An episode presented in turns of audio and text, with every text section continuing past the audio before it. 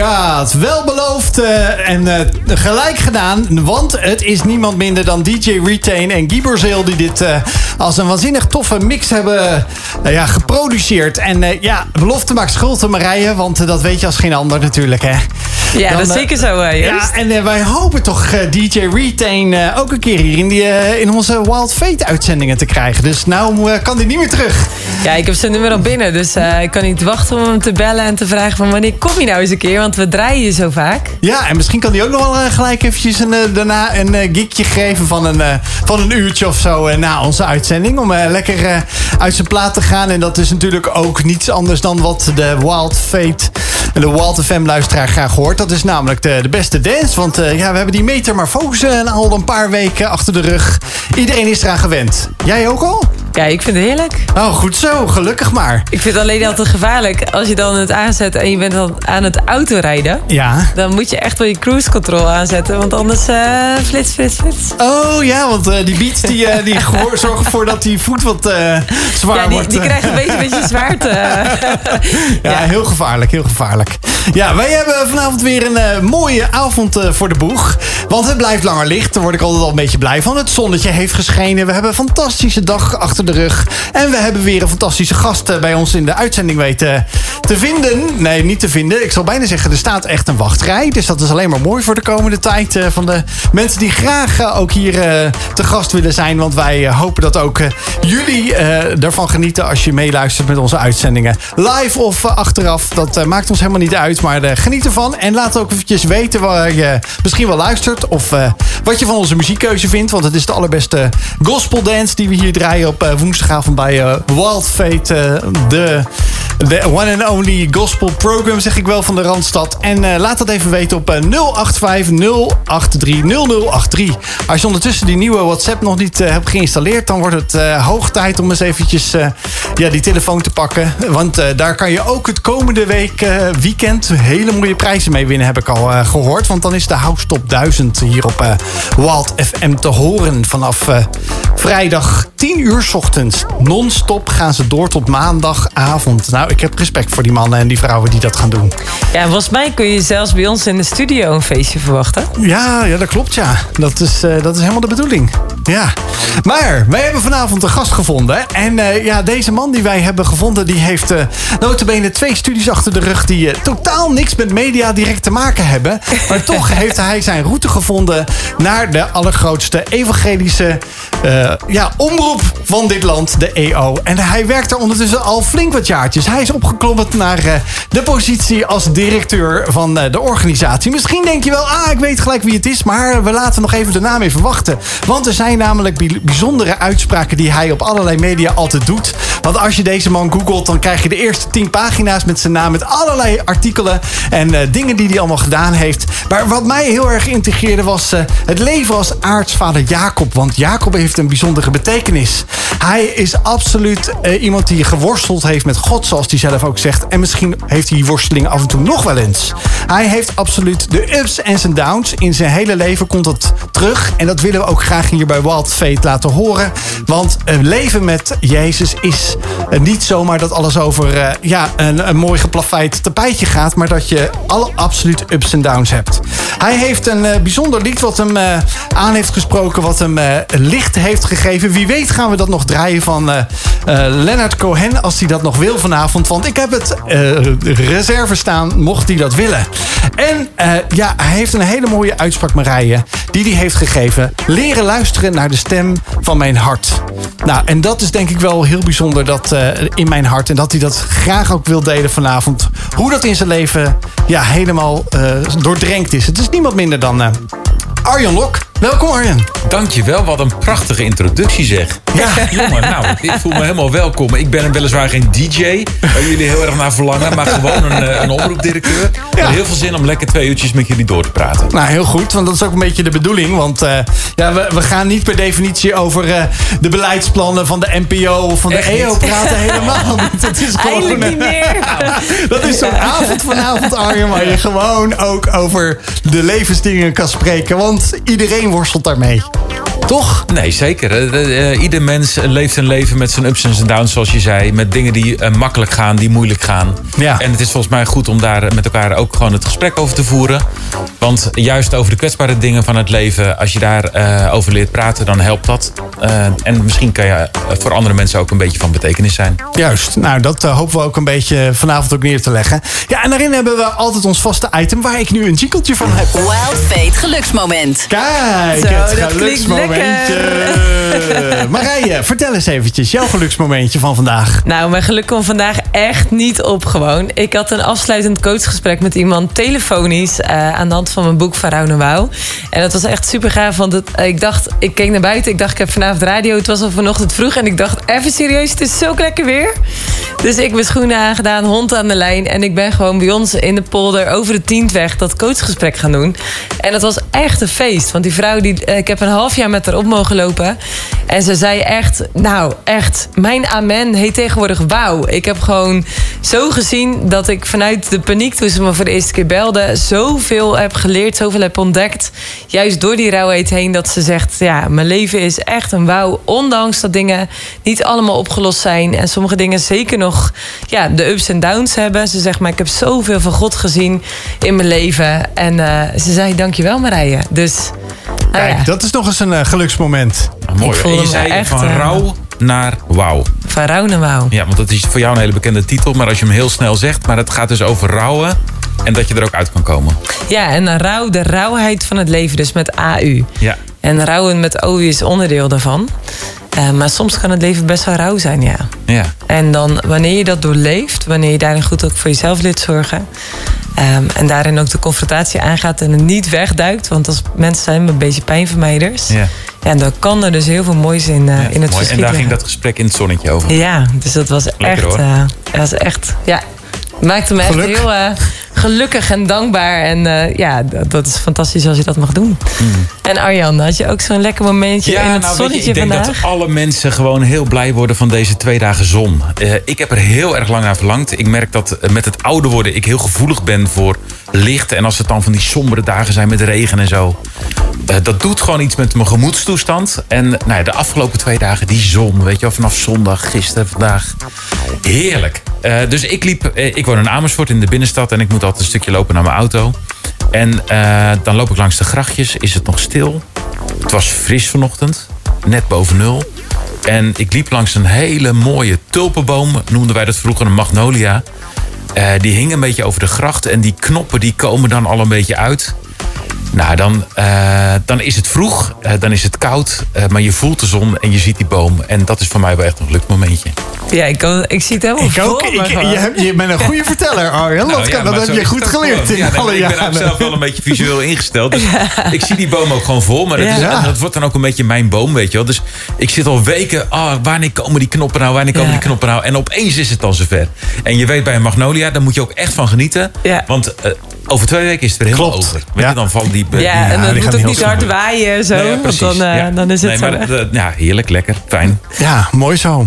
Ja, fantastisch. En Joost, eh, Ja, het, blijft alsof we in het mooie weer in de plantjes zitten. Want eh, ja, vanochtend had ik even een, eh, een rustige start van de dag. Want die gaat altijd door op woensdag tot 10 uur. Dus ik was vanochtend met mijn partner, mijn vrouw, eventjes plantjes wezen kopen voor, eh, voor alle plantenbakken in de tuin. Zo, Want we zeiden het wordt bezig. hoog tijd. En normaal grijpen we zo gauw naar, ehm, de, de- naar de viooltjes en zo. Maar toen eh, zagen we echt hele mooie gele en witte ehm, Hoe heet het zo? Spaanse, Spaanse margrietjes heten, de, heten ze. Ja, Kijk. dus notabene, ik heb het goed onthouden dit iedereen in googelen, wat zijn Spaanse begrietjes? Ja, maar die zagen er heel goed uit. Dus die hebben we, daar hebben we gelijk een hele trace van gekocht... om de hele tuin lekker mee te versieren. En komend paasweekend hopelijk eh, ja, lekker van te genieten. Als Ja. we, als En ze we staan al binnen in de tuin. Nou, ze staan al in de tuin. Ze moeten alleen nog gep- gepot worden. Je, je weet hoe dat gaat. Want daar Ja. kwam ik niet aan toe Right. eh, vanochtend. Ja. Maar waar ik wel aan toe kom is eh, om een heerlijke uitzending vanavond ook te verzorgen voor jullie. Als je meeluistert en leuk dat je erbij bent. En we gaan natuurlijk de allerbeste gospel dance voor je draaien vanavond hier op Wild FM. Ja, we zijn weer terug hier op Wild Fate, eh Wild FM. Ja, je kan het niet raden natuurlijk. Maar jij weet wel welke welke artiest dit onder andere gemaakt heeft, eh, Ja, laat dit Roberto Rosso zijn. Ja, ja. Hij houdt echt van die keiharde dance, jongens. Dat is niet normaal. Maar goed, er hoort wel absoluut in het genre van, van de nieuwe Wild FM. Dus daar kan je alvast een beetje in, in de sferen komen voor komend weekend. Want dan krijg je zoveel hout voorbij in, in, nou ja, wat is het?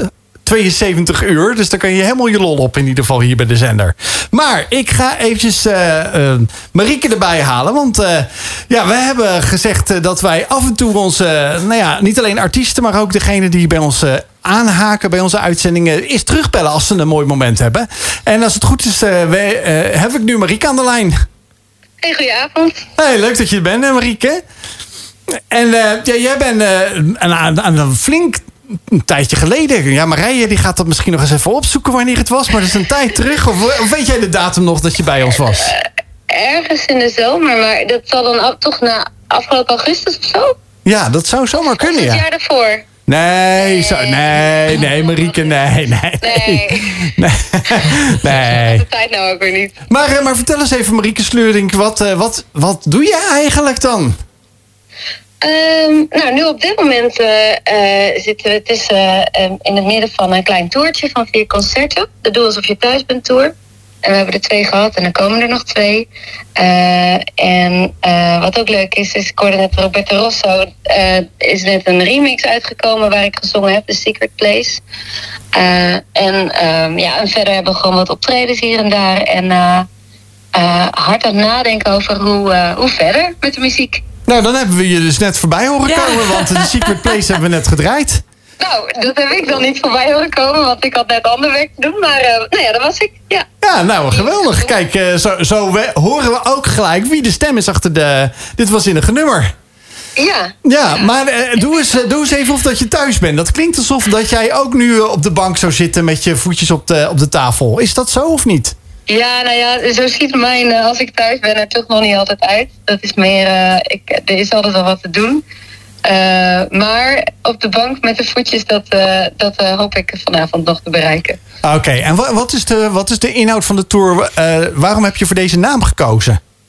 Nou, ten eerste wilden we een toertje doen eh, en het nog een beetje dicht bij onszelf houden. Want we kunnen wel heel in Nederland eh, theaters boeken bijvoorbeeld. Maar dan verwacht ik dat we daar eh, flink verlies op gaan draaien. Omdat daar gewoon nog niet genoeg mensen naartoe komen. Dus we dachten, wat nou als we kleinschalige locaties in onze thuisplaatsen pakken. Met de band en de, de technici en degene die de boekingen doet, komen we uit vier plaatsen. En die vier plaatsen hebben we locaties gevonden. Eh, met meestal ook een eh, maatschappelijke functie. Ehm, om daar eh, met wel de volledige band en een avondvullend programma in een kleinschalige setting. ehm, ja, een soort huiskamerconcert te beleven. Waarin mensen ook met elkaar in contact komen, met elkaar in gesprek raken. En waarin we thema's ja, benadrukken van hulp durven vragen en ander hulp durven bieden. Je drempel overstappen zonder. ehm, ja, gewoon zoals je ook eh, eh, eh, achter je drempel, achter je voordeur bent. Zodat dat je ook zo naar buiten durft te stappen. Dat je gewoon eh, ja, hoe je zelf bent, dat durft te laten zien. Maar ook met alles wat je nodig hebt, ook alles wat je een ander te bieden hebt. Ja, ik vind het wel heel, heel tof, want ik ja, herinner ons gesprek heel erg goed hoe je ook openhartig was.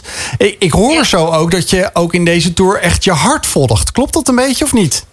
Ja, dat klopt wel heel erg. En ik, ik deel ook in de tour ook, be- ook best wel weer wat ja, een beetje monoloog, verhaaltjesvorm eh van ons eigen leven.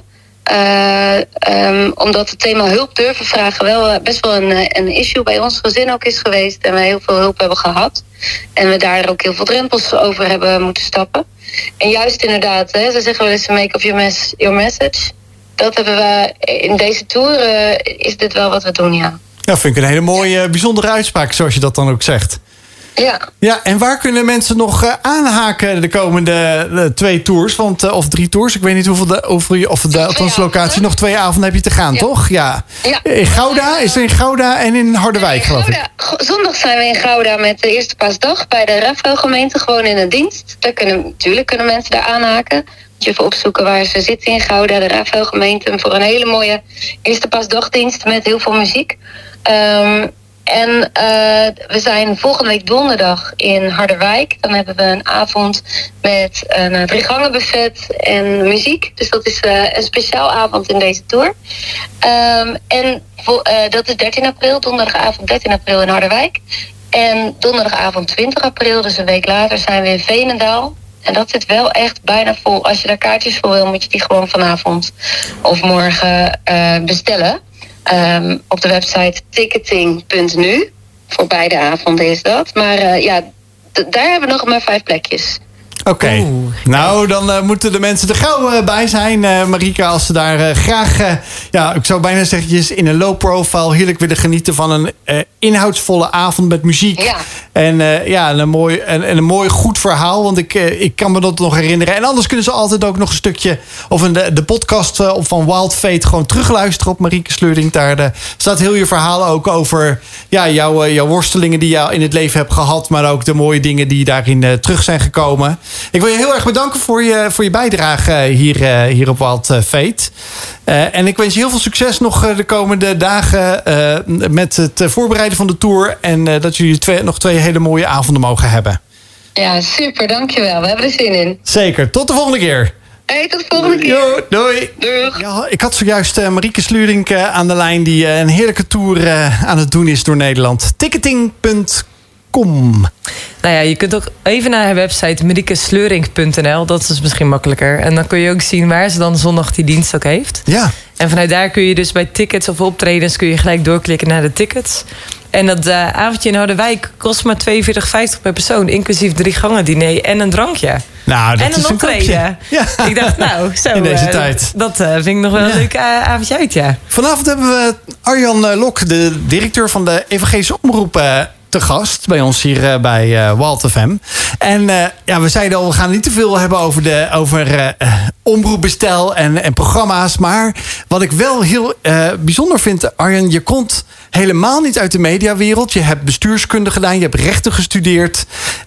en dan kom je op wonderbaarlijke wijze bij je, en toch bij een omroep terecht. Ja, het kan verkeren, hè? Ja, ja. ja nou je bent misschien wel je hart ook daadwerkelijk achteraan uh, gegaan natuurlijk. Ja, nou weet je, het ging zo. Ik werkte toen uh, heel kort bij het ministerie van Binnenlandse Zaken. Net studenten af, dus ik had zo'n keurig broekje en een pak. En ik ging dan iedere dag in de forensentrein naar het ministerie in Den Haag. Zo'n heel groot gebouw. En ik voelde me daar zo ongelukkig. Ik dacht, als ik dit heel mijn leven moet doen, weet je, dat gaat niet goed komen met Arjan. Dus ik dacht, ik moet iets anders doen. Ik moet iets van de wereld zien. En uh, toen was er een vacature bij de EO. En wat dacht je? En ik dacht, weet je wat, ik ga, uh, ga, ik ga gewoon proberen. Dus ik met datzelfde broekje en uh, jasje naar Hilversum toe.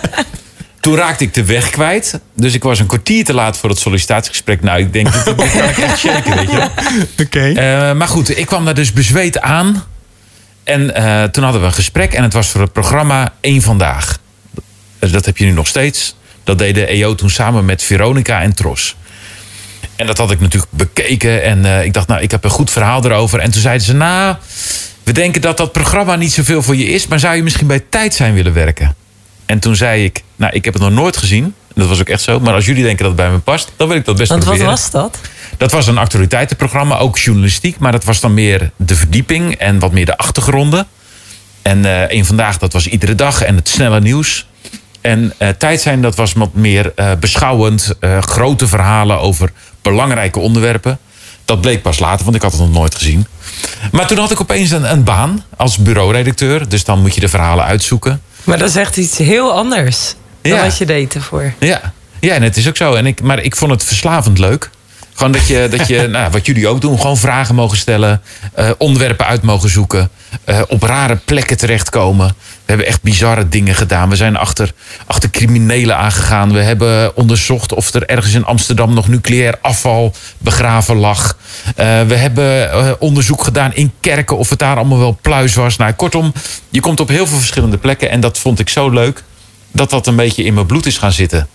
En uh, later werd dat het maken van documentaires, dus echte lange verhalen.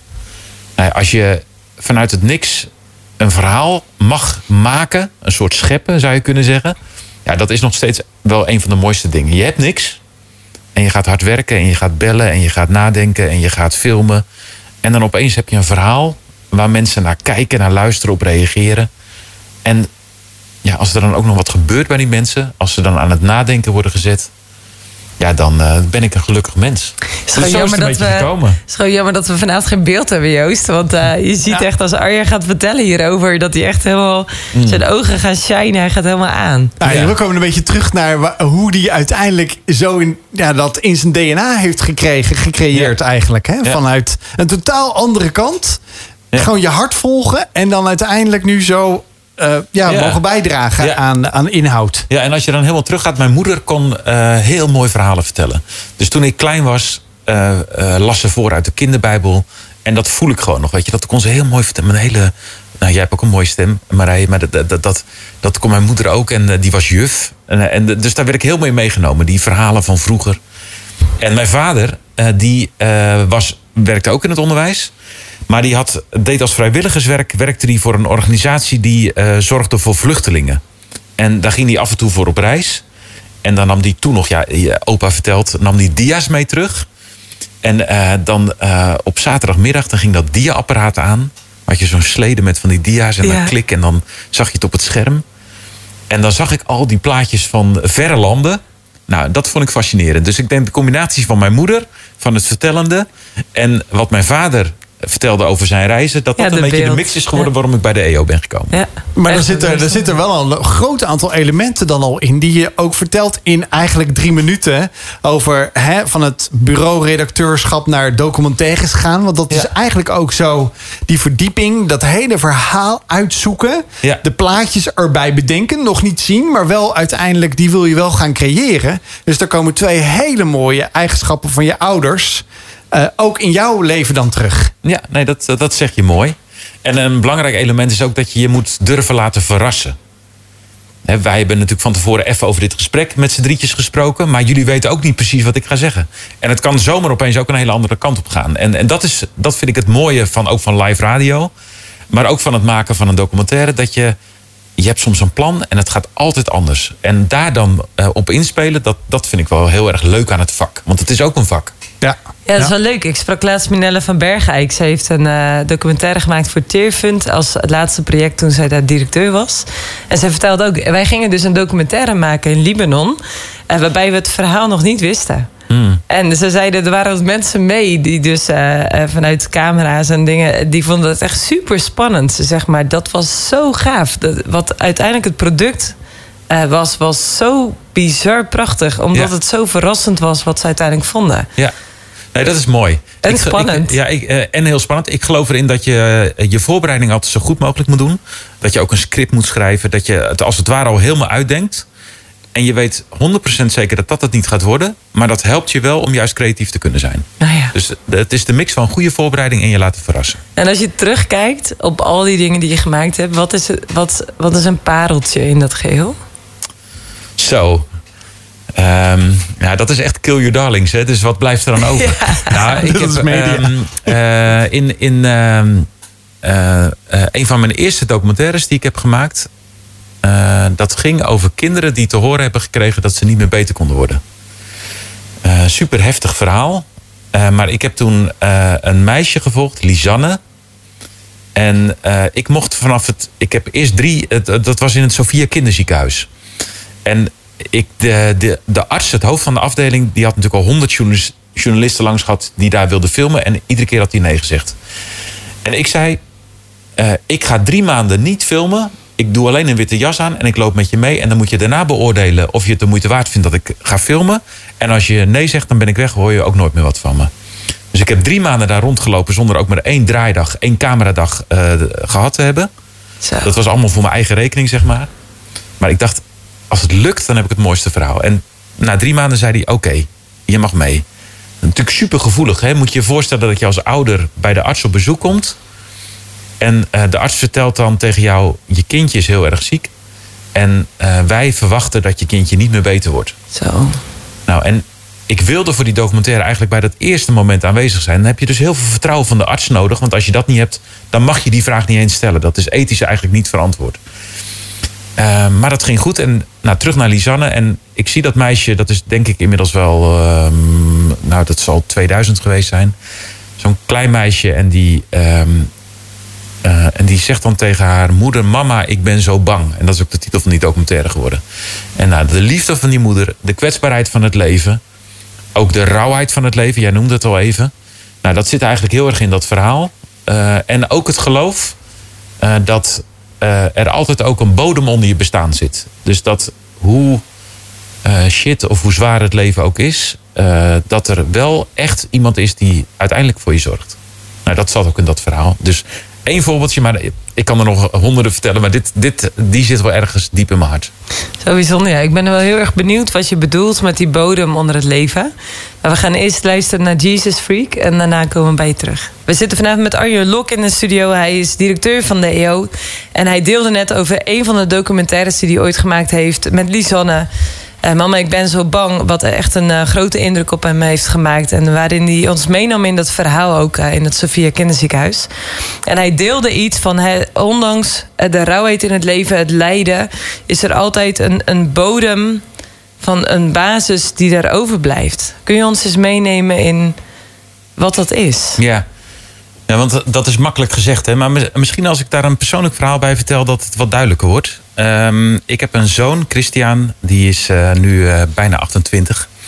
En toen hij 18 was, eh, gewoon in de kracht van zijn leven... werd hij plotseling heel erg ziek. En hij had een infectie... waarvan de artsen niet wisten wat dat nou was. En het ging razendsnel achteruit met hem. En ik, mijn vrouw was in het buitenland. Ik zat bij hem aan het bed. En ik zag hem zieker worden. En ik zei tegen de arts, er moet iets gebeuren. Want ik voel gewoon als vader dat het niet goed gaat. Zei hij, oké, ehm, we gaan hem nog een keer onderzoeken. Want ze wisten niet wat het was. En toen eh, werd hij weggereden. En toen ehm, waren ze een uur bezig. En toen kwam de arts bij me terug. En toen zei hij, "Nou, je hebt helemaal gelijk gehad. Hij heeft een vreselijke infectie in zijn lijf zitten. Zo. En eh, ik zou je adviseren om goed afscheid van hem te nemen. Want we gaan hem in coma brengen. En ik weet niet of je hem terugziet. Zo. Eh, dat is super heftig. Hè? De- en ik, als ik het vertel, dan voel ik nog een beetje het kippenvel op mijn lijf. Dus ik, ik vertel het ook niet zo heel vaak. Maar, en ehm, om een lang verhaal kort te maken. Hij werd toen in een eh, trauma-ambulance werd hij naar het UMC in eh, Utrecht gebracht. Er werd heel veel vocht toen gediend omdat zijn organen begonnen uit te vallen. En die superlieve verpleegkundigen zeiden... meneer, we, kunnen, we moeten nu echt even u naar een ander kamertje brengen... want we moeten gewoon echt met hem aan de slag. En ik heb toen, toen werd ik, dan werd je op zo'n, word je op zo'n ouderavond, eh, ouderkamer gelegd. Gewoon zo'n steriel bedje in een klein kamertje. En je weet dan dat er twee kamers verder... dat er voor het leven van je zoon wordt geknokt. Zo. En ik kan het nu vertellen omdat ik de uitkomst weet. Want ik zei net dat hij eh, bijna 28 wordt. Maar toen wist ik dat niet. Hè. Toen voelde ik ook van binnen van... eh, het kan ook betekenen dat, dat hij er niet uitkomt. En eh, dat klinkt misschien heel raar... maar ik denk dat mensen die iets heftigs hebben meegemaakt... het wel herkennen. Ik voelde in die nacht, waarin ik niet heb geslapen... voelde ik een soort diepe rust dat ik wist... of hij nou het haalt of hij het niet haalt... Eh, er zit een soort bodem on- onder mijn bestaan waar ik op terug kan vallen. Het is geen diep zwart gat waar ik inval, maar ik geloof dat God er is. Die ergens een soort handen, zeg maar, denkbeeldig onder mijn leven heeft. En dat een soort vasthoudt. Zo.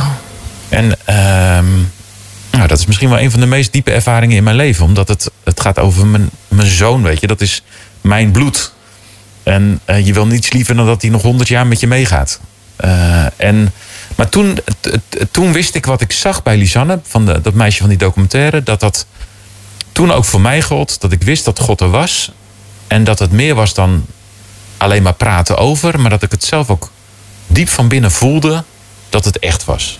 Nou, en dat gun ik niemand om dat op zo'n vreselijke manier te moeten ontdekken.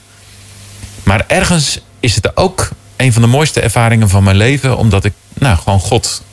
Waar, je, waar ik misschien als AO-directeur makkelijk over praat, weet je wel. Maar ehm, dan wordt het wel eh, praktijk. Dan wordt het echt.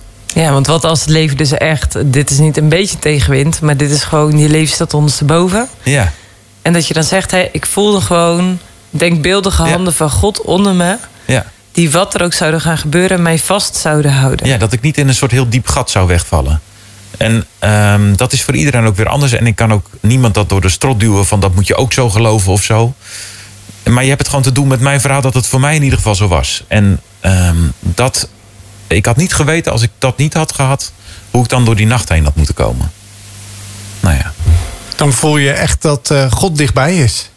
Ja, en eh, eh, ja, dat, dat God dichtbij is en dat het veel meer is dan praten over, maar dat het een, een realiteit is, dat het echt is. En wat betekent God voor jou dan? Wie is hij?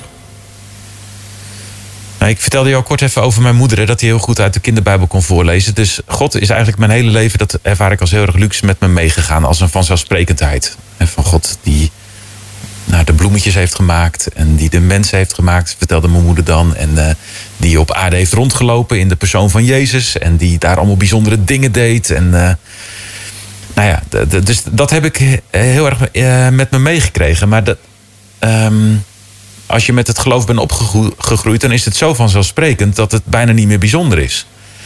En dan komt het er wel een keer op aan in je leven. Van wanneer is het dan? Wanneer heb je er echt wat aan? Nou, dat moment met mijn zoon, met Christian. Uh, toen voelde ik dat, uh, dat die grote God die de bloemetjes heeft gemaakt. Dat die ook de God is van mijn leven die, uh, die mij opvangt als het echt heftig is. Ja, dus een. Ja, je moet me zeggen of je het begrijpt, Marije, maar een soort vader. En ik snap dat dat voor sommige mensen misschien ook een beladen woord is, hè, want vaders kunnen soms ook heel erg vervelend en, en slecht zijn. Maar een, een vader die niets liever wil dan gewoon voor je zorgen uh, en er voor je zijn, met je meehuilt als je verdrietig bent, uh, die voor, met je meeknokt uh, als je het zwaar hebt, die er gewoon eigenlijk altijd is. zonder dat hij aan de voorkant een eis stelt, je moet zo zijn, want dan pas hoor je erbij. Ja. Dus onvoorwaardelijk liefhebben. Dus dat hoor je wel natuurlijk vaker terug. Ik weet niet of je dat soort reacties ook wel eens bij de EO misschien uh, op de vloer krijgt of in reacties. Ja, het, het is allemaal uh, zo makkelijk gezegd door jullie. Maar jij zegt het nu al zelf van ja, ik ben ermee opgegroeid. Het is zo'n vanzelfsprekendheid. Ja. Het is onvoorwaardelijk. En ik denk de luisteraar van Wild Fate weet ondertussen dat we het daar altijd over hebben. Eigenlijk over dat het zo dicht, God is zo dichtbij. Het is, je kunt zo eenvoudig met hem praten. Het is onvoorwaardelijk altijd wat je ook gedaan hebt. En zelfs voor de allergrootste, nou ja, een misdadiger. Het is niets anders dan de Pasen wat we vieren. Dat hij zelfs tegen de misdadiger links en rechts van hem zegt: van ja, in ieder geval, als je wil, ben je vergeven. Hè? Mag je met me mee naar een hemel zonder ellende. Ja. Maar dat je het wel aanhaalt eigenlijk van.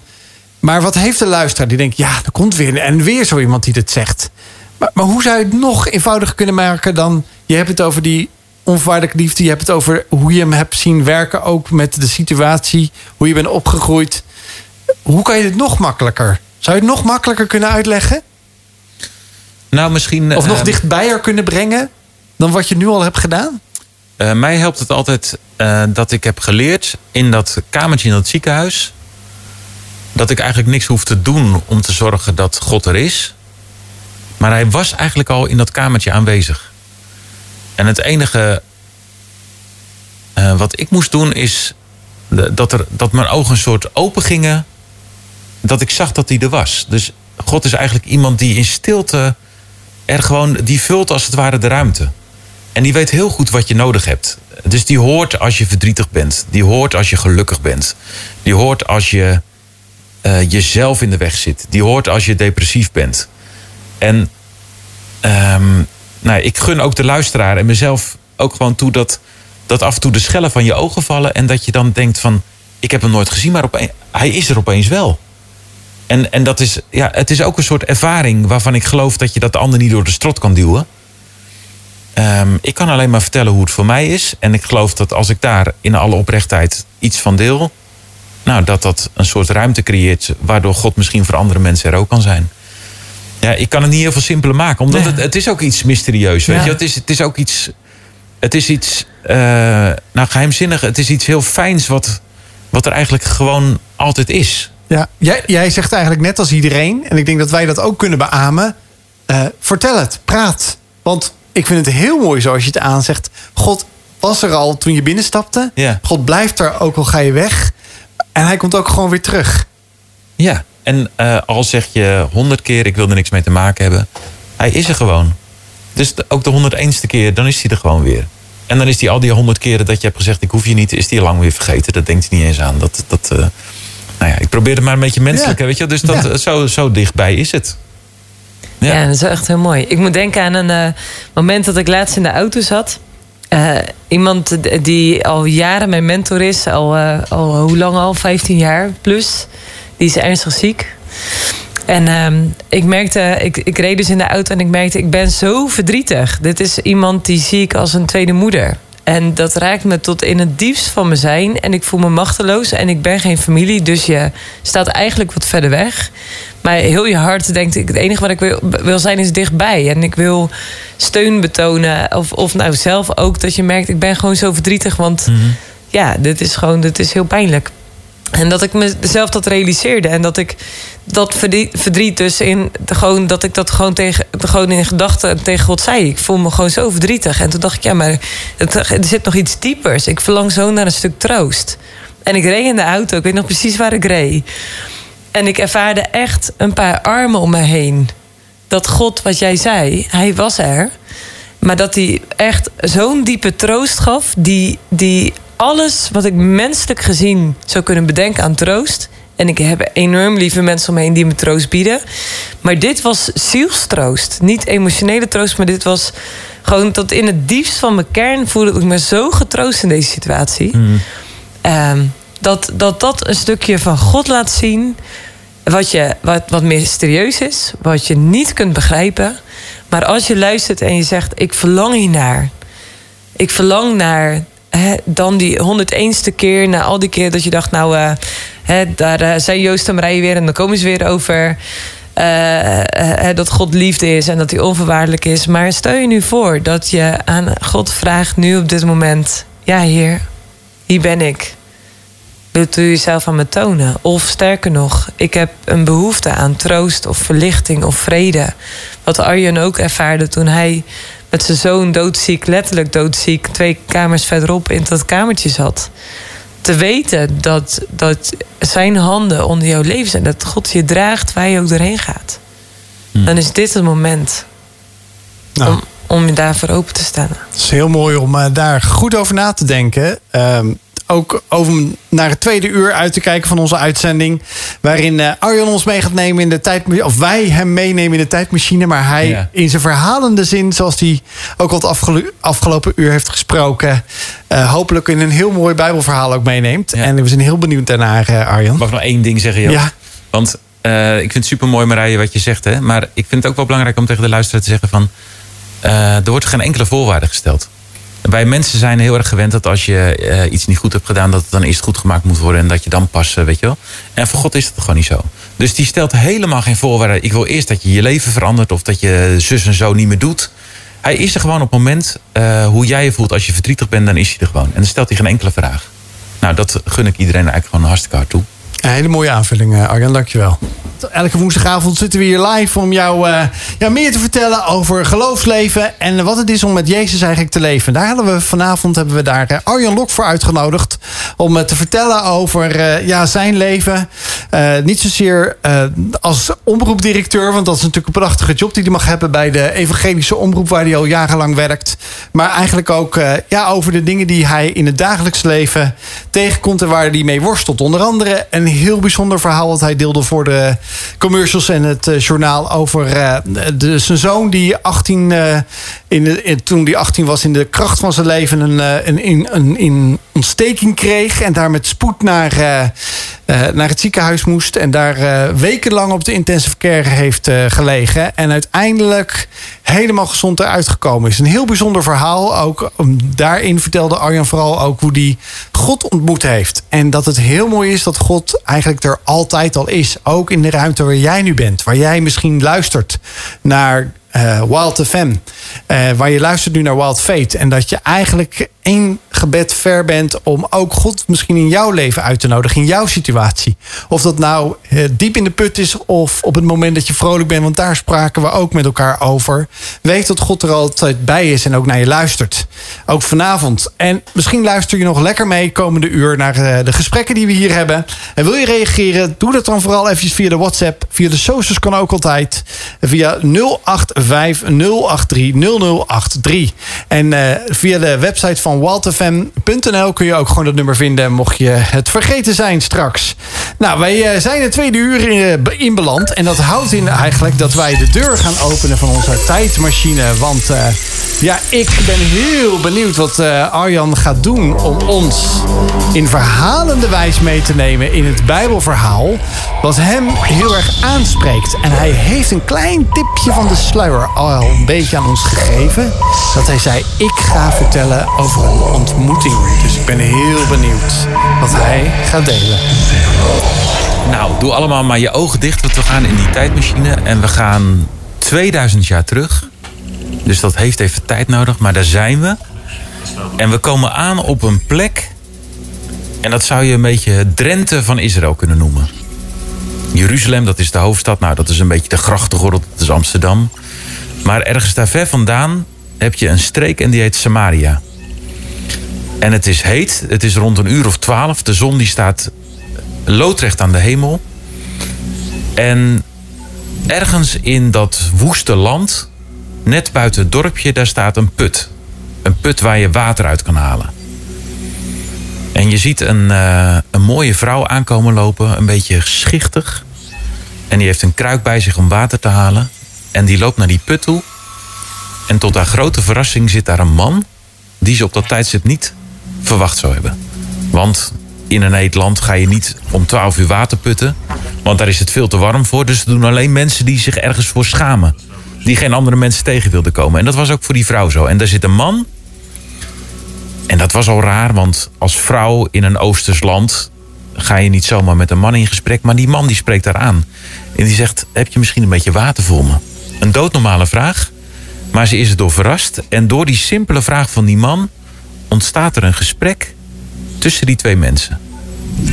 En dat vind ik een van de mooiste ontmoetingen die in de Bijbel staat.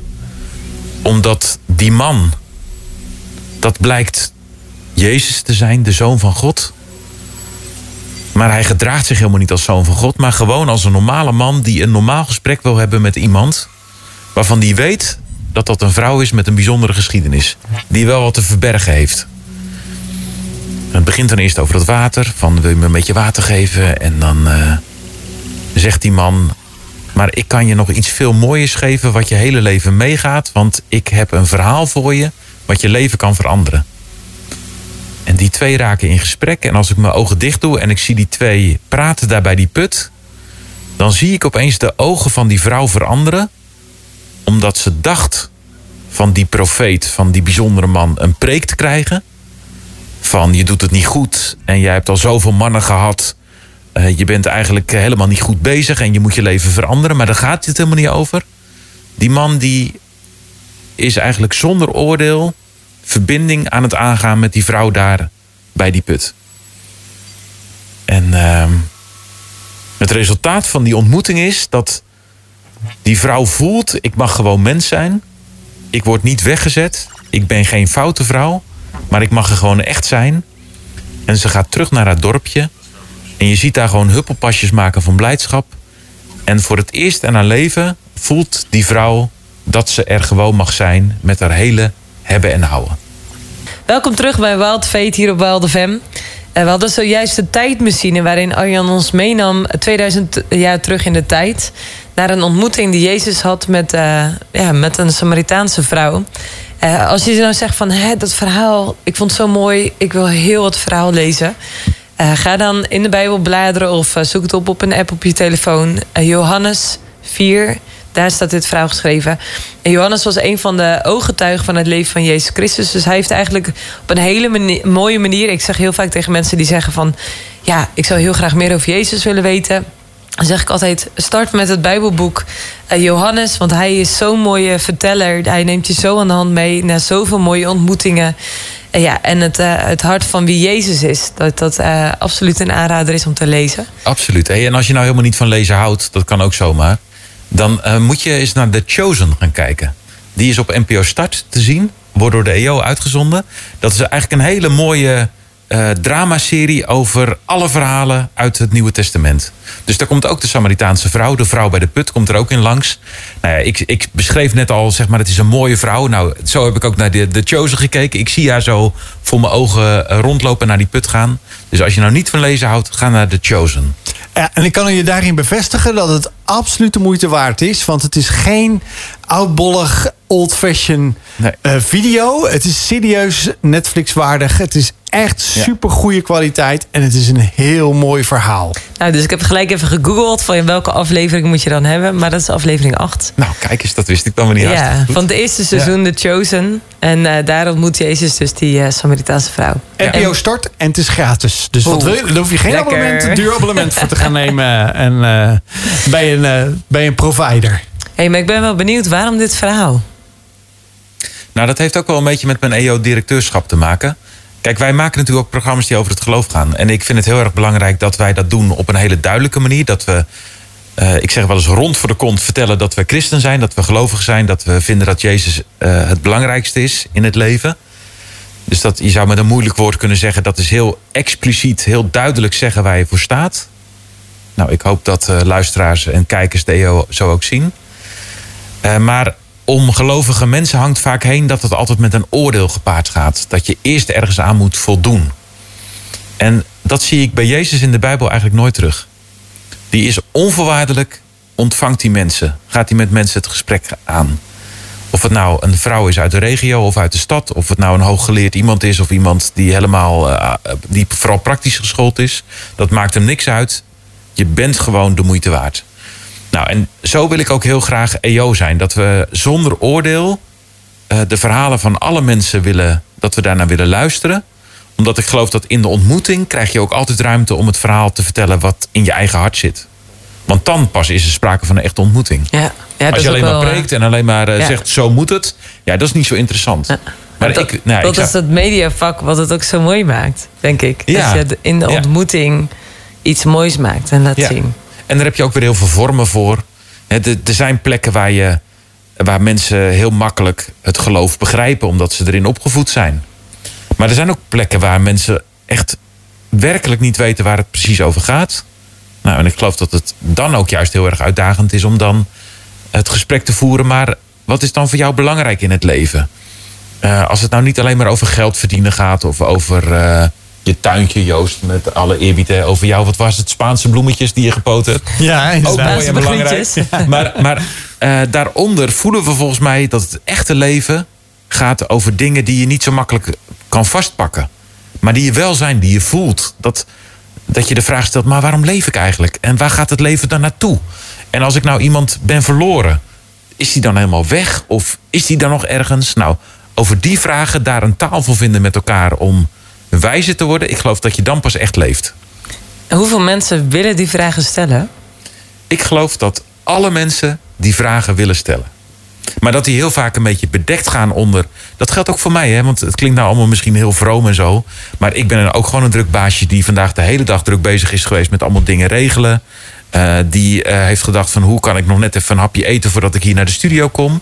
Dat waren allemaal niet hele diepzinnige vragen. Maar er zijn wel momenten in het leven eh, waarbij je voelt, ik kan er nu niet omheen. En dan moet je ze niet laten liggen. Want dat is zonde. Ja, dus eigenlijk de uitnodiging, eigenlijk die uitgestoken hand pakken als die er ligt. Ja. Want het, het nodigt nu uit om die vragen te beantwoorden of op zoek te gaan naar de antwoorden. Ja. En je wordt er altijd een beter mens van. Dus het is niet eng. Het doet soms wel pijn hè, als je terug naar, moet naar dingen die je misschien moeilijk vindt of die je spannend vindt. Eh, maar ik kan je garanderen dat je daar beter uitkomt. Ja, eigenlijk precies de conclusie die eh, die, die vrouw had vanmorgen toen ik er aan de lijn had. Dat het Ja. juist zo mooi is om die. En sommige mensen hebben daar echt zo'n paniekmoment voor nodig. Van dit kan zo langer niet meer. Ja. En anderen maken die stap wat makkelijker. Eigenlijk wat Marieke ook net zei in het telefoongesprek. Van als mensen zijn, dan vinden we het zo vaak moeilijk om hulp te vragen. Eh, maar soms is het juist ook heerlijk als je niet alleen over dat soort vragen hoeft na te denken. Of Ja. dat iemand je dus ziet zoals Jezus die vrouw dus zag. Ja. En voor alles is ook een moment. Hè. Soms ben je er gewoon ook nog niet aan toe. Dus ik wil ook niemand pushen om iets te moeten. Maar luister goed naar de stem van je hart. En luisteren naar de stem van je hart, dat kan je het beste als je de stilte opzoekt. En in ons drukke bestaan gaat dat heel vaak verloren door allemaal geluiden en bezigheden. Maar gun jezelf. Hè, we gaan nu naar het paasweekend. Het belooft ook nog eens een keer lekker weer te worden. Dus ga nou gewoon lekker even een keer een stuk lopen. En laat je gedachten gewoon eens even gaan. En dan weet ik zeker dat als je goed naar je hart luistert... dat je precies weet wat je moet doen. Ik vind het wel heel eh, bijzonder hoe je dat dan ook, eh, ook vertelt zo. Ehm, heb, je, heb je nog wel eens... eh, je, hebt, je hebt genoeg eh, ervaring in binnen- en buitenland... dat je wel eens een interview hebt gehad of iets voorbereid hebt... wat totaal anders gelopen is... waarop uiteindelijk iemand echt... ik zal niet zeggen zijn hart uitstortte... maar waarvan je dan dacht van... wow, dit is onvoorbereid een prachtig verhaal. Heb je daar een voorbeeld van? Ja, zeker. Kijk, dat zijn de mooiste verhalen. Kijk, ik, ik, ik voer eh, gesprekken voor het programma Ik Mis Je. En dat gaat over mensen die iemand kwijt zijn geraakt... en die, die bij het graf of bij de urn van iemand staan... en het verhaal delen met mij. En ik vind de mooiste gesprekken als er iets bij de ander verandert. Want mensen denken er natuurlijk in hun hoofd over na... of hebben al honderd keer verteld eh, waarom ze een man of een kind missen. Maar ik had eh, twee weken geleden was ik eh, in Oegstgeest was het... eh, op een begraafplaats. En ik had het verslag gelezen, want ik wist van tevoren wie ik ging spreken. En daar stond in: deze man wil niet over zijn gevoel praten, want dat doet te veel zeer. En het is ook niet zo'n makkelijke man. Nou, dan weet je als programmamaker, nou, dat wordt ingewikkeld. Moet je voorstellen dat jullie, nou, misschien hebben jullie dat in de voorbereiding ook gezegd. maar- Marian komt vanavond. Is een moeilijke man. Nee, nee, nee, dat gaan we niet. Nee, hoor. En toen, eh, en ik stond daar, dus ik denk, nou, dat wordt wat. En eh, het ging over zijn dochter. 18 jaar geworden, drie maanden eh, ziek aan kanker, overleden. En zij hield heel erg van paardrijden.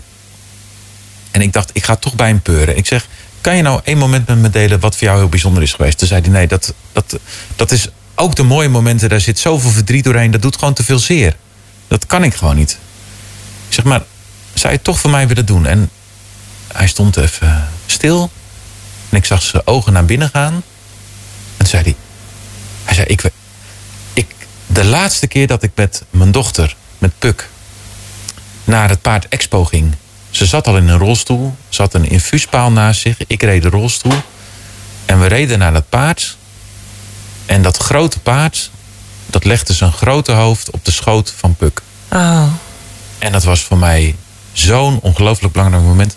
Hij zei, ik heb er acht jaar niet aan kunnen denken. En opeens komt het weer terug. zo. Nou ja, dan ben ik helemaal gelukkig. Als programmamaker, want ik weet, dit is heel mooi. Maar vooral ook als mens, dat ik zie dat iemand door het gesprek... omdat hij die confrontatie toch is aangegaan... hij is door zijn eigen angst heen gegaan... opeens voelde... ik heb weer een herinnering terug van mijn dochter met haar paard... Eh, en het leven is opeens weer anders. Nou, dan ben ik een blij mens. Hoe is dat voor jou? Want Puk was 18, overleed na drie maanden ziek zijn. Jouw zoon was ook 18 Ja. en ging door het oog van een naald. Is dat ook nog confronterend als je dan met hem daar op zo'n plek staat? Ja, dat is een mooie vraag. Ehm, ehm, ik, zeker als het zo dichtbij komt, hè, dus als leeftijd en, en eh, als dat een beetje overeenkomt, dan denk je ook terug aan je eigen verhaal.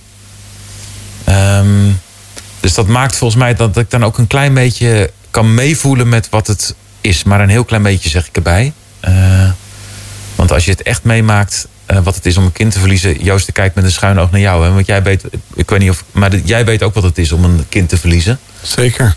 Eh, en dat is super heftig. Nou, dan moet je zelf maar kijken wat je daarover wil vertellen. Maar dat. ehm, ehm, en wa- wat ik, waar ik dan vooral naar zoek, is hoe je in het delen van het verhaal. ehm, en dat er ook een soort verzachting in zit die de pijn niet minder maakt, die het verdriet niet minder maakt, maar het delen van dat verdriet maakt het toch anders. Nou, en dat, dat is volgens mij de waarde van ontmoeting. Dat je dat als mensen voor elkaar kan betekenen. Dat je dat niet alleen hoeft te dragen.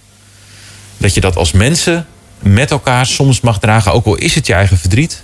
En ik geloof ook dat God daar ook nog een rol in speelt. Dus dat, nou ja, dan zitten we bij die handen die onder je leven zitten. Eh, nou, dat, dat, dan voel ik me toch ook een rijk mens. Ik Ja, vind het wel eh, heel mooi dat je het ook zegt. Want ik, ik denk dan aan dat, aan dat beeld van... eh, iedereen kent wel van die kleine puzzeltjes met negen stukjes... en dan heb je één leeg vakje. En dan moet je steeds alles bewegen om tot het eh, figuurtje te komen.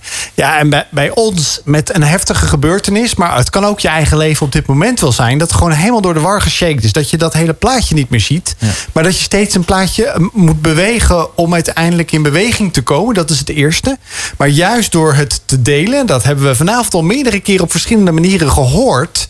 helpt het elke keer om het proces in beweging te houden. Want waarom? Uiteindelijk wil je naar dat mooie plaatje toe... wat je graag voor ogen hebt om eh, voor jezelf ook weer terug te krijgen. Dat je denkt, ja, Ja. zo wil ik gezien worden, zo wil ik door het leven gaan. Want uiteindelijk heeft ook God voor jou dat voor ogen. Voor iedereen dat perfecte plaatje. Ja, maar, ik, Maar dan moet je wel. Joost, jij noemt het een perfect plaatje, maar misschien is het het beeld van die puzzel. Kijk, in een puzzel, dat is eh, vaak van een perfecte foto. Maar je ziet wel de randjes van de puzzelstukjes. Ja, En eh, ik kijk je ook even aan in je ogen, omdat ik bedoel, van jouw zoon is het 16 jaar geleden, hè, vertelde je net.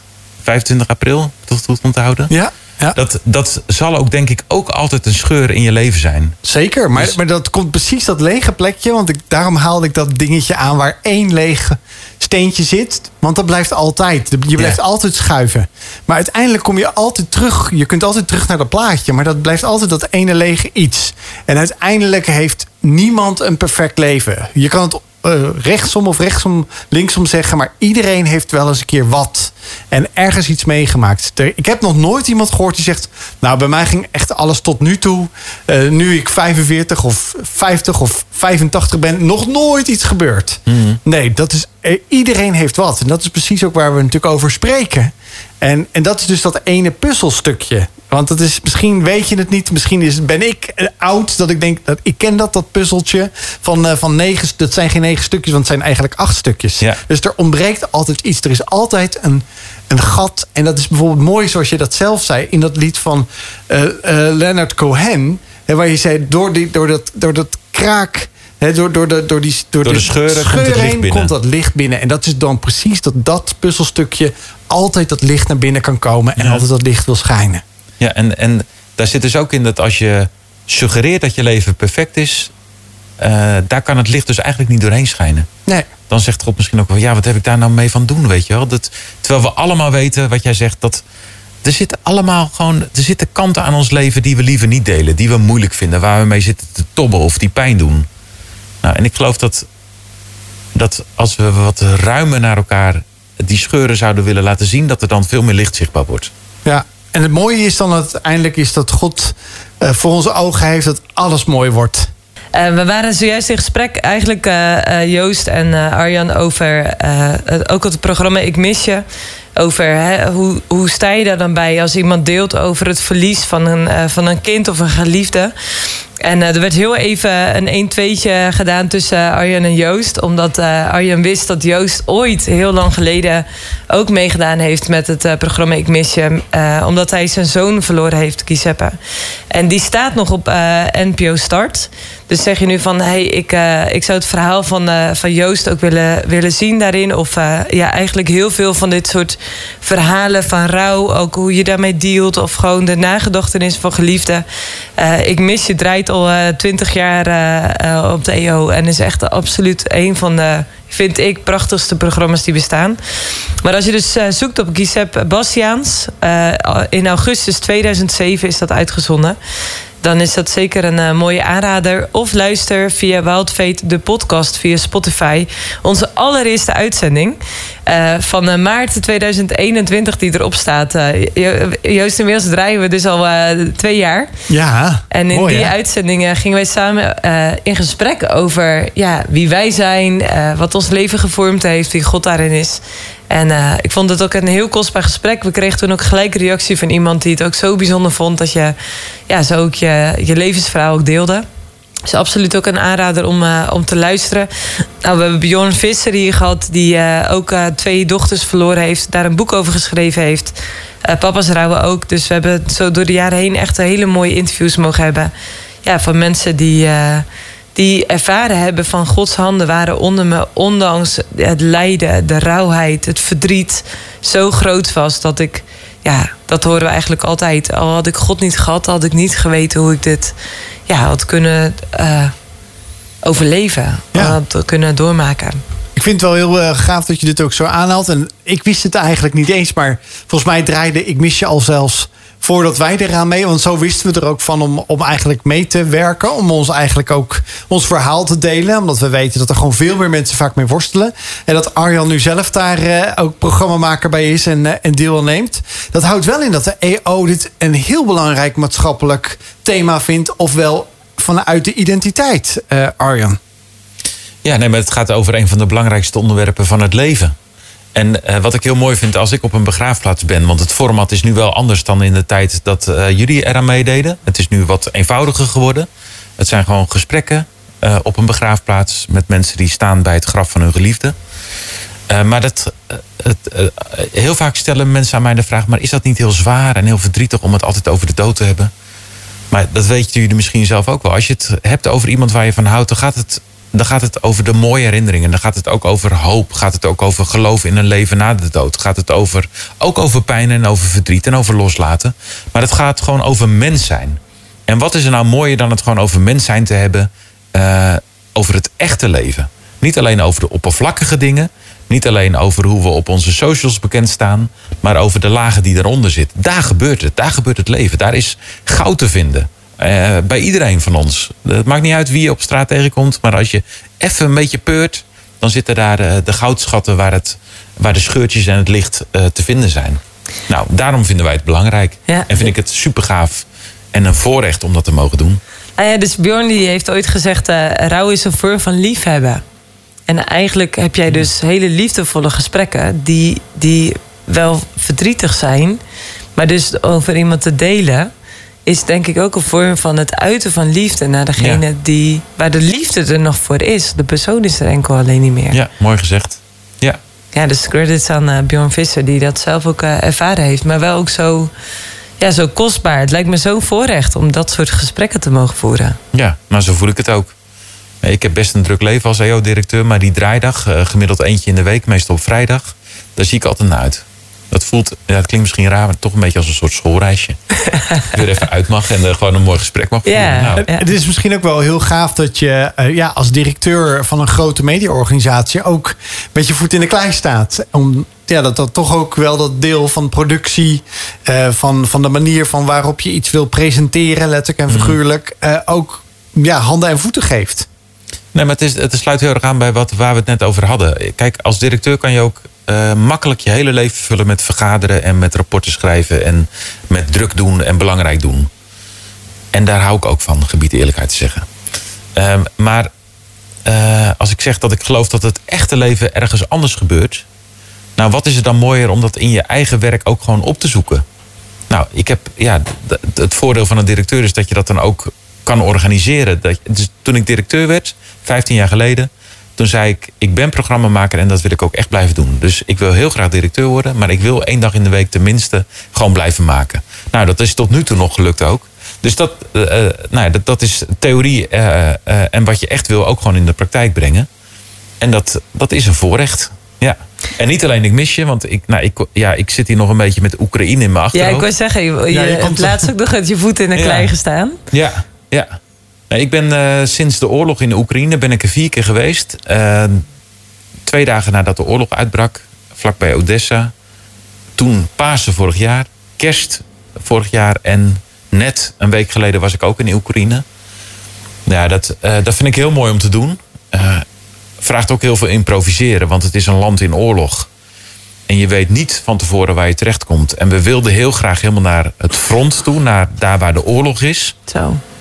Plaatsen als Bachmoed en zo. Dat, dat, nou, als je je er een beetje in verdiept, dan weet je dat het daar echt afschuwelijk heftig oor- oorlog is. Hoe is het daar? Eh, even, je bent iemand die Ja. beelden eh, kan spreken. Neem ons eens mee. Hoe, wat, wat zie je daar? Wat, wat ervaar je daar? Ja, oorlog is een raar ding. Als je eh, via Polen Oekraïne binnenrijdt, is er niks aan de hand. Het zonnetje schijnt. Ik zeg altijd, je kan gewoon een ontbijtje met granola kan je bestellen als je in een hotel bent. Je kan lekker eten. Mensen lopen met hun tasjes boodschappen te doen. Eh, maar als je iets beter kijkt, dan zie je dat ook daar, aan de veilige westkant, dat het de oorlog is. We waren daar in Lviv. En daar gaat twee keer per dag de rouwstoet door de binnenstad van het centrum. Dat zijn jongens die 1500 kilometer verderop in de blubber zijn gestorven. Die zijn teruggebracht naar hun geboortestad. Afschuwelijk. Die worden daar dan met eerbetoon begraven. In de kerk, een dienst. Dan in een lijkwagen door de stad. Dan stoppen ze altijd voor het stadhuis. Dan komt de burgemeester twee keer per dag naar buiten met al het personeel. Die staan stil. Dan komt er een trompetist. Die speelt The Last Post vanuit zijn tenen. Ik hoor het geluid nog als ik erover praat. Alle mensen die daar boodschap aan het doen zijn, die staan stil. De, sommigen gaan op een knie, op één knie, om eerbied te betonen aan de kist die in de lijkwagen staat. En na twee minuten is het over en dan rijdt de stoet weer verder. En dan weet je dat smiddags eenzelfde stoet weer langskomt. En morgen weer, en morgen weer. Dus het lijkt soms alsof het lente is. Maar als je iets verder kijkt, dan voel je dat, het, dat oorlog echt ongelooflijk afschuwelijk is. En hoe verder je dan naar het oosten gaat, Kharkov, kapotte steden, dorpjes waar alleen maar mijnen liggen, waar mensen over een dun paadje moeten lopen omdat het te buiten onveilig is. Eindeloze kolonnes militairen. Uh, en ja, het meest verdrietige, ik heb een jongen gevolgd, uh, Pavlo van 25. Uh, was een vrachtwagenchauffeur. Een jaar geleden dacht hij, hoe kan ik mijn land dienen? Heeft zijn vrachtwagen verkocht. Heeft zo'n bloemenbestelbusje gekocht met een koeling erin. En het enige wat hij doet, het is, we hebben vanavond het veel over zware onderwerpen, maar vergeef het me. Uh, het enige wat hij doet is naar het front rijden, gesneuvelde soldaten ophalen en terugbrengen naar de familie. Omdat hij zegt, als de familie uit de onzekerheid is, dat is, dat is misschien wat het belangrijkste wat ik aan hen kan geven. Nou, ik ben met hem meegereden, heb dat hele traject gefilmd. Heel veel dingen ook niet gefilmd, omdat dat gewoon echt niet kan, omdat het te afschuwelijk is. Um, maar dat, ja, dat maakt wel een hele diepe indruk op mij. Ja, we hadden het net over licht door, uh, door scheuren heen. Ja, soms is het ook gewoon echt, echt gewoon heel erg donker. Als je in een mortuarium bent waar allemaal jonge soldaten liggen van net twintig. Die een leven voor zich hadden, die een vriendin thuis hebben. Uh, het leven lachte hen toe en opeens uh, is het leven afgelopen. Dat is gewoon afschuwelijk. Een zinloze oorlog en wat nog generaties lang mensen uh, super verdrietig maakt. En tegelijkertijd die Pavlo, een jongen van 25, die zegt: Dit kan ik voor mijn land doen. En ik kan het alleen maar doen omdat ik geloof dat er een leven is wat ook na de dood verder gaat. En uh, dat ik op deze manier de helden van mijn land uh, een plek kan geven die hen toekomt. Nou, dat. dus ik voel me bevoorrecht om dat te mogen maken. En het zijn ook de verhalen die ik in mijn hart en uh, soms ook in mijn hoofd met me meedraag. Hey, en het wordt deze, dit weekend uitgezonden, Pasen onder vuur. Ja. Wanneer wordt het uitgezonden? Eerste paasdag, dus zondag, NPO 2, rond de klok van kwart voor tien s'avonds. En het heet Pasen onder vuur. Nou, je hoeft het niet voor mij te gaan kijken, maar doe het voor die Pavlo. Uh, want door zijn verhaal heen voel je hoe heftige oorlog is, hoe belangrijk Pasen is, ook in een oorlog. En ook, ik weet dat het soms in Nederland ook lastig kan zijn en dat mensen het hier soms ook zwaar hebben, maar dat we in een land leven waar vrede is, dat is misschien wat het grootste goed wat we hebben. Bijzonder om uh, samen met Arjan uh, te kijken eigenlijk naar een paasweekend wat, uh, wat gaat komen. In het bijzonder zijn verhaal wat hij vertelde voor de muziek over dat hij in de Oekraïne was om daar verslag te leggen voor een programma wat op eerste paasdag om kwart voor tien s'avonds op NPO 2 wordt uitgezonden. Uh, Pasen onder vuur. Nou, denk je misschien wel, ja, ik heb lekker lang weekend. Want sommige cao's die hebben ook al vrijdag vrij. En maandag is natuurlijk hier een nationale vrije dag in Nederland. Dat Pasen, dat zien we helemaal naar uit. Want het is uitslapen, eieren zoeken. En ja, daarin een brunch misschien wel met familie of bekenden. Dat is toch wel een beetje wat er in Nederlandse traditie hoort. Maar, maar wat is eigenlijk Pasen, zeggen we dan wel? Nou, we, dat kan ik geheid aan Arjan eens even vragen. Want ja, Pasen, wat, wat, wat betekent Pasen voor jou, Arjan? Nou, Pasen is ook gewoon van het lekkere weer genieten. Dus dat moet je vooral ook doen. Het wordt mooi weer dit paasweekend, dan doe dat vooral. Maar uh, ik zou je ook uit willen dagen om gewoon eens even na te denken over wat nou de diepere betekenis is van Pasen. En voor mij gaat het over dat. We hebben het veel over Jezus gehad, over God gehad uh, in deze twee uur. Um, dat hij niet dood is, maar dat hij leeft. En eh, we hebben het eerder gehad over dat soms denk je dat God er helemaal niet is. En dan gebeurt er iets in je leven en dan, ga, dan vallen een soort schellen van je ogen. En dan denk je, hij was er eigenlijk altijd al. En dat gebeurt ook op de eerste paasdag. In, het, in de Bijbel wordt beschreven dat op de eerste paasdag dat, dat Jezus, die was niet dood, maar die leefde. Maar dat geloofden de mensen eigenlijk helemaal niet. Die konden niet geloven dat hij echt leefde. Dus er ging een, een vrouw die ging naar hem op zoek om te kijken of hij nog in het graf lag. En ze liep door, de, door, door een park heen. En toen zag ze iemand lopen en ze dacht, ik ga eens even vragen of die misschien weet waar Jezus is. Want het graf dat was leeg. En ze spreekt die man aan. En ze zegt, weet u misschien waar Jezus is? En dan zegt die man, maar Maria, kijk eens goed. Ik sta gewoon tegenover je. Ik ben het. En dan, nou, je, ik zie het ook voor me dat ze opeens, dat ze denkt, hè, ik heb het gewoon helemaal niet gezien. Maar hij is er gewoon, hij staat hier gewoon voor me. Nou, wat ik heel veel mensen nou voor Pasen wens, is dat als je ergens naar op zoek bent, zoek niet verder, want hij is er gewoon. En doe je ogen maar open, dan zie je hem. Dat is voor mij Pasen. Daar heb je al heel veel over eh, verteld eh, de- deze afgelopen twee uur. Over ontmoetingen en over dat ja, ook jouw ervaring is dat God er altijd is. Ja. Hij is er echt altijd. En soms is dat heel moeilijk te zien als je door de Oekraïne rijdt. Of als je zoon heel ziek is. Of als het leven gewoon tegenzit. Maar juist dan heeft God gezegd... eh, juist dan wil ik er voor je zijn. Nou, dat is misschien wel het mooiste paasevangelie eh, wat je kan vertellen. Ja, we, hebben het, eh, we hebben het hier eh, vanavond over nou, de Pasen. Het is ook in, in kerkelijke gewoonte de stille week eigenlijk, zeggen we wel. Waarin mensen eigenlijk meer stilstaan bij niet zozeer het lijden, maar vooral het opstaan. Want uiteindelijk is dat het allergrootste feest. Meer dan, zou ik zeggen, kerst toch ook voor ons als christenen. Ja, het is, het- ik vind het zelf het mooiste verhaal. Eh, maar misschien juist ook wel omdat we nu de stille week hebben. Het is niet alleen maar vrolijkheid en jolijt van hiep hoi, eh, we zijn er en het komt goed. En, eh, maar het is juist ook dat God zegt, ik snap heel goed dat het leven af en toe ook gewoon ongelooflijk zwaar is. Dat heb ik namelijk zelf ook meegemaakt. Ik heb geleden. Ik werd uitgescholden. Ik werd bespuugd. Dus als je je zo voelt, ik herken dat gevoel ook, zegt Jezus. Dus het is niet zomaar makkelijk. Het is niet een makkelijk verhaal, weet je. Het gaat ergens door de diepte heen.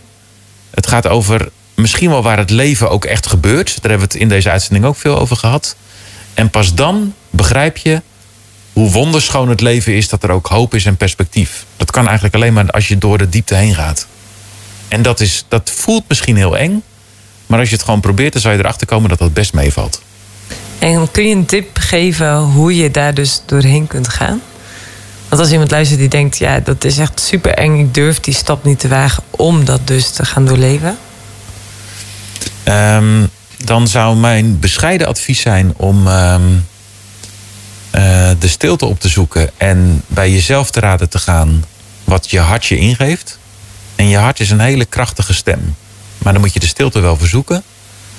En het zou heel mooi zijn als zou je iemand kunnen vinden dat als je het zelf eng vindt, dat je gewoon eens begint om je verhaal te vertellen tegen iemand waar je, die je kan vertrouwen. En dan moet je gewoon zeggen, joh, ik wil eigenlijk alleen maar even mijn verhaal vertellen. Ik hoef niet een oordeel van je of een mening of een oplossing. Maar mag ik het gewoon eens even vertellen waar ik mee zit? En dan zal je zien dat als je je hart openstelt, eh, dat de ander dan eh, ook echt iets kan teruggeven waar jullie samen iets aan hebben. Is dat praktisch genoeg, eh Marije? Ja, ik denk het wel. Ik denk dat iedereen hier wel wat mee kan. Ja, en, en Arjen heeft al meerdere keren gezegd... eh, hij, hij voorspelt een heel mooi weekend eh, komend weekend... met veel zon en eh, mooi weer. En juist die ruimte om echt even te zeggen... voor jezelf, maar misschien ook juist in die drukte... van allerlei andere activiteiten... jongens, ik ga even een blokje om.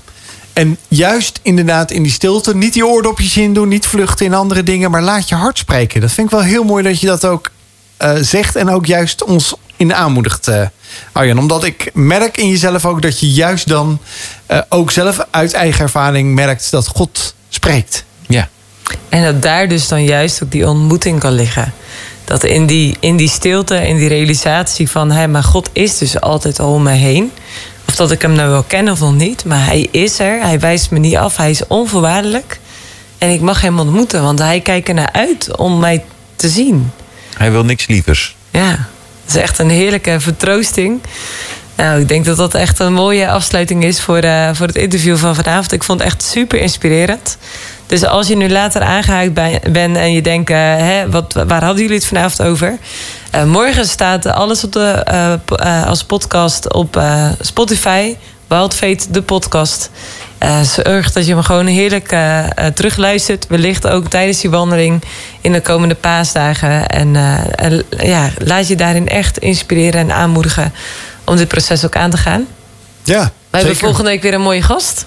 Ja, ik weet het. We hebben zo'n gevarieerd eh, palet aan prachtige mensen hier altijd aan tafel zitten. ik geniet er altijd van. die DJ weer langs, of niet? Of, uh... nee, nee, nee, Arjan. Nee? En jij bent ook een inspirerende gast. Dus we nodigen je geheid nog eens een keer uit uh, de komende jaren. Want wij, wij hebben er nog heel veel zin in. Bij ons zit voorlopig ook nog genoeg inspiratie om, om gasten te ontvangen. En te laten vertellen over wie Jezus in hun dagelijkse leven is. Want dat willen we graag bij Wild Fate hier op Wild FM laten horen aan, aan onze luisteraar. Dankjewel dat ik hier mocht zijn. Ik vond het echt heel gezellig.